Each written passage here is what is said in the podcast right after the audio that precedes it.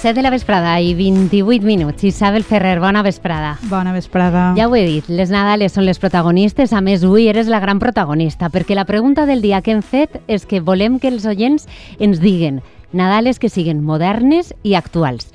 I avui ens parlaràs i molt de Nadales, veritat? Avui farem un monogràfic. Avui toca parlar d'això, entrar en l'ambient i així quan escolteu Nadales, que de vegades per a per a algunes persones els agraden molt, eh, altres no tant, però tots podem participar. Clar que sí. Per on vols que comencem?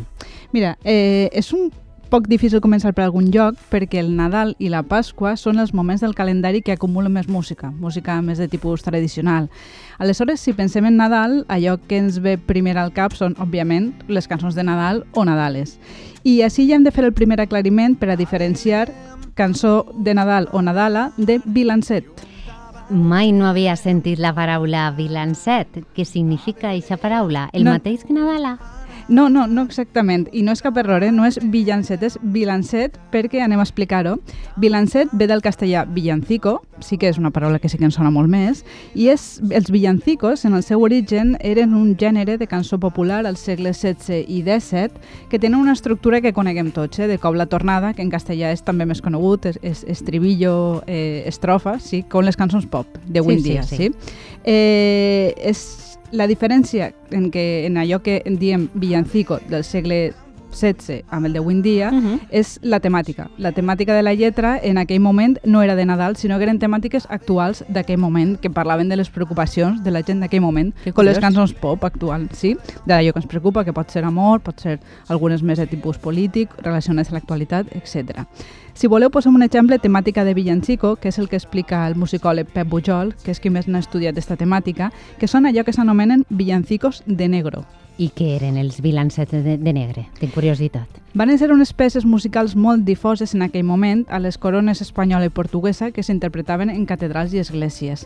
Eren peces còmiques que tenien com a protagonistes els negres esclaus. bueno, l'estereotip de negre esclau sí que en Ah. aquell moment era molt comú. Anaven a les colònies africanes, carregaven en gent d'allí sense preguntar-los absolutament res i així a l'estat espanyol, els, eh, al, al, al territori espanyol, es feien treballar com a, com a esclaus. Mm. En aquell moment era era una pràctica habitual. Aleshores el que feien és agafant l'estereotip de- d'esclau negre, eh, s'inventaven una música que sonava a danses i la interpretaven dins de, dins de les esglésies. Si voleu, escolteu un exemple, que és un diàleg entre imaginari, entre esclaus negres, els dos pastors. Un dels pastors li fa una pregunta a l'altre que li diuen Andrés. Li diu, Andrés, on està el bestiar? Mm? I Andrés li diu que no ho sap, que ell estava pendent d'un àngel que volava, que cantava i deia als pastorets que Jesucrist neixia eixa nit. Andres poge del ganado, puro siendo que no lo sé que se pantano por fe. ¿Y por qué? Discribir un angelito volantito y cantavo tan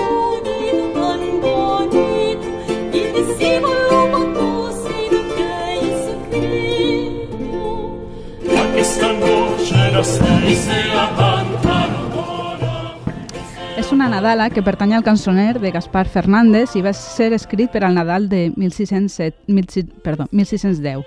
Mhm. Heu escoltat que té un ritme de dansa que en aquell moment ells interpretaven, tot i que era com una re- reconstrucció com a que era de, de negres, d'allò que venia de l'Àfrica, tot i que Perquè ja no el coneixien. no què? coneixien bé i ells feien com una mescla entre les danses europees de moda i el que ells que pensaven que era de, de negre. Va. Aleshores, la pregunta, tornant al tema del dia, que són les Nadales, és en aquell moment, en les zones que no eren castellanoparlants, per exemple, així, eh, també hi havia villancicos, hm?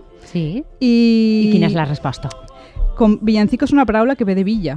Al- Aleshores, molts estudiosos han preguntat, en valencià, villa és vila. Per tant, la traducció seria vilancets. Ah, Exactament, ja entenc, sí. que xula. I eh, la resposta és que sí, tenim reculls de vilancets, com este que, es- que escoltem, no de negre, però d'una altra tipologia, que eh, són en valencià paral·lelament als que existeixen en castellà. Doncs és curiós, perquè normalment nosaltres diguem Nadales, per tant, per l'explicació que estàs donant, podem dir i, indistintament Nadala o Vilancet? Així s'anonava. Amb el pas del temps, en castellà, només en castellà, el terme villancico va passar a designar exclusivament les cançons de Nadal. En canvi, en valencià es va conservar la fórmula vilancet exclusivament per a les cançons més antigues i Nadala per a les cançons de Nadal. Aleshores, en valencià no seria correcte dir ni vilancet ni villancet a les cançons de Nadal. Únicament Nadala és la paraula correcta per a dir Ah. cançó de Nadal. Molt bé. Mm. Val, ja ho entenc i sempre utilitzaré la poquet. paraula Nadala, que és la Sí. que sempre emprava. Sí, sí. I les altres, Continua tu me les has explicat, Sí. ja les entenc, però no les utilitzaré per a aquestes dates. I a mi la veritat, eh, Isabel, no sé si els nostres oients els passa, quan vaig al supermercat o escolte Nadales, eh, per la ciutat, que la veritat que sonen un muntó, em fa la sensació que sí, que les lletres són diferents, però a mi em sonen molt semblants totes elles. Mm. No sé si és cosa de la meva oïda, que podria ser, però no sé, s'han No haurien, de d'assemblar. sonar, no haurien de sonar totes, totes iguals. O sigui, De que és cosa de la meva oïda. No, és, és cosa d'un procés d'uniformització que explicarem després, perquè l'única cosa que tenen en comú les Nadales és que la lletra fa referència al Nadal o tenen una finalitat relacionada amb la festivitat. A partir d'ahir, els etnopoetes, que són les persones que estudien les lletres en la música tradicional, han distingit més de 200 arguments. Arguments són com temàtiques diferents, explicats de formes diferents. El moment del naixement de Jesús, els pastorets, els reis mags, que són les típiques temàtiques de les cançons de Nadal. I a més de les cançons de Nadal, una cosa un poc més desconeguda és que moltes d'aquestes músiques tenen una finalitat, és a dir, estan eh, compostes per a realitzar alguna activitat en concret. Per exemple, al sud del País Valencià són molt, comu són molt comunes les cançons de ronda per a fer capta, que s'anomenen esguinaldo. Ai, jo me'n recorde de fer aquestes coses quan, Sí. sí. quan era menudeta. Per cert, entre aquests arguments, els docents que estàs donant i que poden tindre les Nadales, també eh, es poden parlar de més coses, no? A banda de, del naixement de Jesús, dels Reis d'Orient, és a dir, podríem parlar de solidaritat, però sempre utilitzant eh, esta època, per exemple, del Nadal, també podria ser. Clar, de fet, eh, les cançons de Nadal les escollim nosaltres, les que volem que siguin de Nadal. No és una cosa que vinga prefeta, sinó que les triem. El que passa és que avui en dia, quan intentem mirar al passat, les que agafem les classifiquem per la temàtica. Clar, entenc. Mm. I per cert, eh, sí que crec que el que tenen totes les Nadales en comú és que tenen lletres mm, per a la infància, en molts casos. Sí, és el que parlàvem, no? un poc d'aquesta estilització, però això és un fenomen molt modern. En realitat, moltes de les cançons de Nadal estan pensades per a ser cantades en moments de reunió, per exemple, després de, del dinar de Nadal. Per tant, són cançons que tenen arguments adults, amb referències eròtiques, dobles sentits, relacions amb, amb les, les polítiques del moment, i també per a posar un exemple, escoltem, si voleu, l'Esguinaldo, en este cas el de Callosa d'en Sarrià. Diria que és un dels grans èxits de la música de Nadal en valencià, que ha estat versionat prou vegades, i una de les versions més fidels amb el que es canta en Callosa és la versió que fa el grup Tornaveus. Ja pugen, ja pugen el cabàs amunt. Digueu-li a Jesús que no el traiga avui, I a la senyora Alma que aprete la mà. per a que en tinguérem per avui demà. Per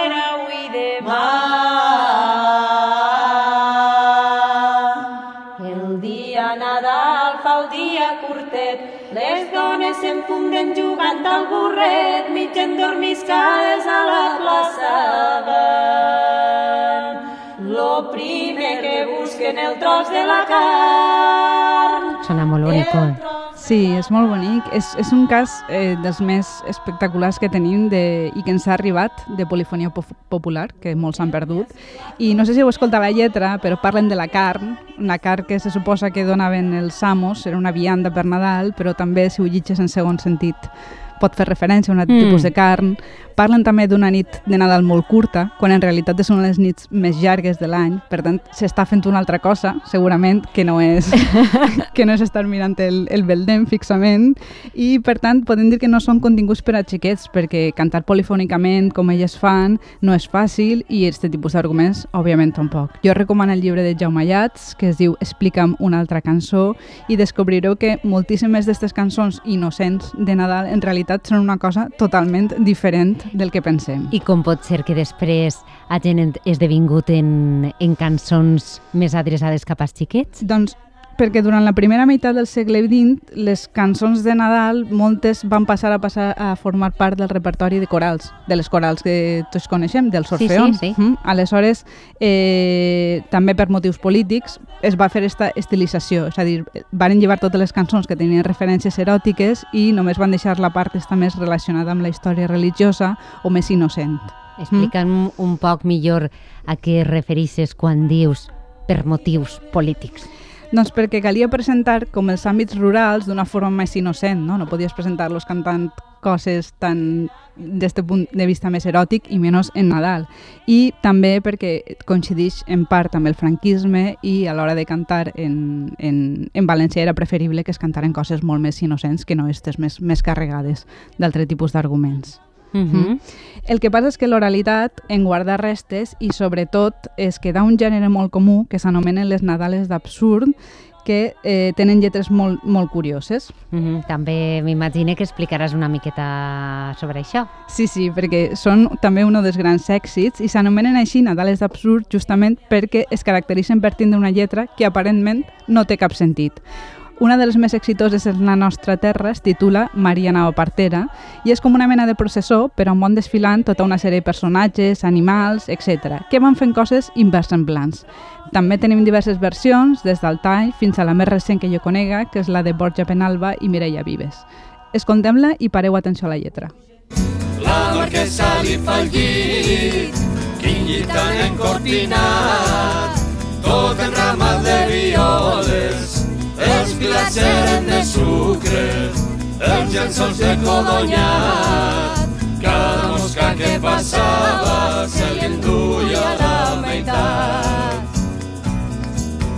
Passa una, passen dos... Si heu escoltat la lletra, és molt típic d'este tipus de Nadales anar enganxant cobles on es diu un absurd darrere, darrere d'un altre, cosa que permet dir segons sentits, com marqueses que fan llits, ja ho heu escoltat, mosques que passen i s'enduen coses, és a dir, gent que s'aprofita d'altra gent, i així successivament. Amb aquestes cançons, les censures de tots els temps es tornaven boges perquè no podien controlar què s'estava dient exactament, sinó que aparentment es deien absurds un darrere d'un altre. Per Mhm. això s'anomenen Nadales d'absurd. Entenc, Isabel, hi hauria alguna cançó de Nadal que podríem dir que és més nostra o més valenciana o, o no podem dir això? Clar, això del nivell de nostra edat, per dir-ho així, depèn molt del context cultural i com de propera o llunyana percebem una cosa.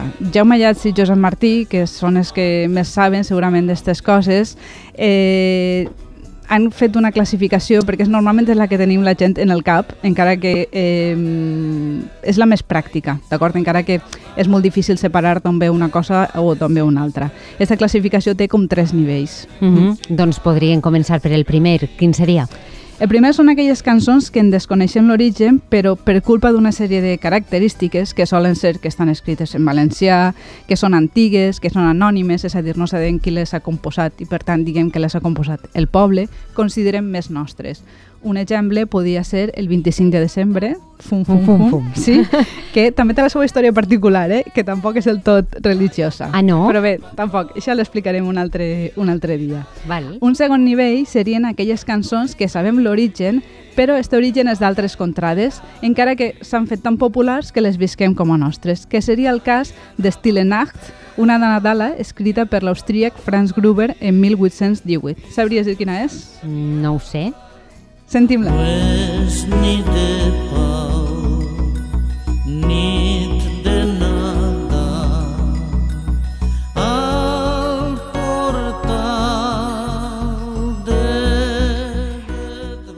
Una volta he escoltat els primers segons, estava ben clar. És, sí, no es pot confondre. Això és Santa Nit o Nit de Pau, que és la traducció de l'alemany, que tots la coneixem i n'hi ha milions de versions. Jo he triat esta de Paco Muñoz, si la voleu escoltar, la, està en, en internet, en diverses plataformes, i té molts anys, però la lletra està molt bé perquè està un poc modificada i ens recorda que en moltes zones del món hi ha guerra i no es podran cantar segurament cançons. Uh -huh. I és un missatge, la veritat que trist, però alhora és bonic. Mm. Tenim més nivells, perquè has comentat que hi havia tres. Sí, ja l'últim. Són aquelles cançons que actualment són molt habituals i que sabem foranes i que les gaudim o les patim, depenent del cas, com ara Jingle Bells. Eh, de tota manera, més que fixar-nos en, en l'origen, allò que és important remarcar és que estem parlant del que anomenem cançons de reunió o de participació, és a dir, que serveixen per a fer comunitat, la família o més extensa, en moments de festa. Per tant, allò que les defineix no és tant la lletra ni la temàtica, sinó la seva funció. Des d'aquest punt de vista, estem quasi parlant més de cançons fora de l'àmbit religiós que no relacionades amb la, amb la religió, perquè allò que importa és la funció que tenen de reunió. Mm, la veritat és que a mi jo sempre tinc els records de cantar amb la família té igual, si entones, si no entones, però Nadales i... I això és la gràcia. I és, I és ben xulo. Però hi hauria altre tipus de músiques per Nadal, Isabel? En tenim altres eh, més relacionades amb els temples, però si te sembla bé, aquestes les deixem per a la setmana que ve. Val, Mm. però jo sé que la teua secció ja hauríem acabat pels temps que, que hem de fer així al programa, però com que estaves parlant de Nadales, saps què? Què? Tens la primícia en este moment i és una sorpresa perquè així, a pròxima parada, hem fet una Nadala. Sorpreneu-me, sorpreneu-me. Nosaltres preguntàvem els nostres oients sobre Nadales modernes i que foren actuals i la veritat que jo pense que la nostra ha quedat així. Vols sentir-la? Estic desitjant-ho. Mira que és la primícia i per a vostès també que ens estan escoltant. Allà va, la Nadala de pròxima parada. Ai, si el 2020 vinguera amb un poquet més d'harmonia, honestedat, justícia i igualtat. Torna a casa per Nadal. A poc a poc vaig arribant, ja estic a punt. La pròxima parada és amb tu. Tots els dies que hem passat, sentint-nos a través del dia. Ja estic a punt. La pròxima parada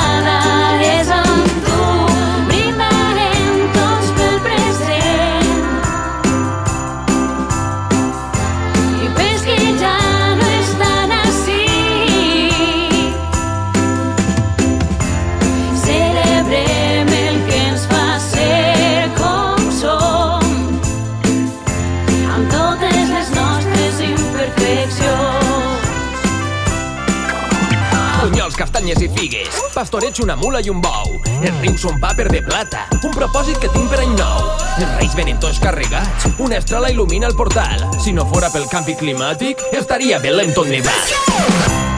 tots els dies que hem passat, totes les coses que m'has contat,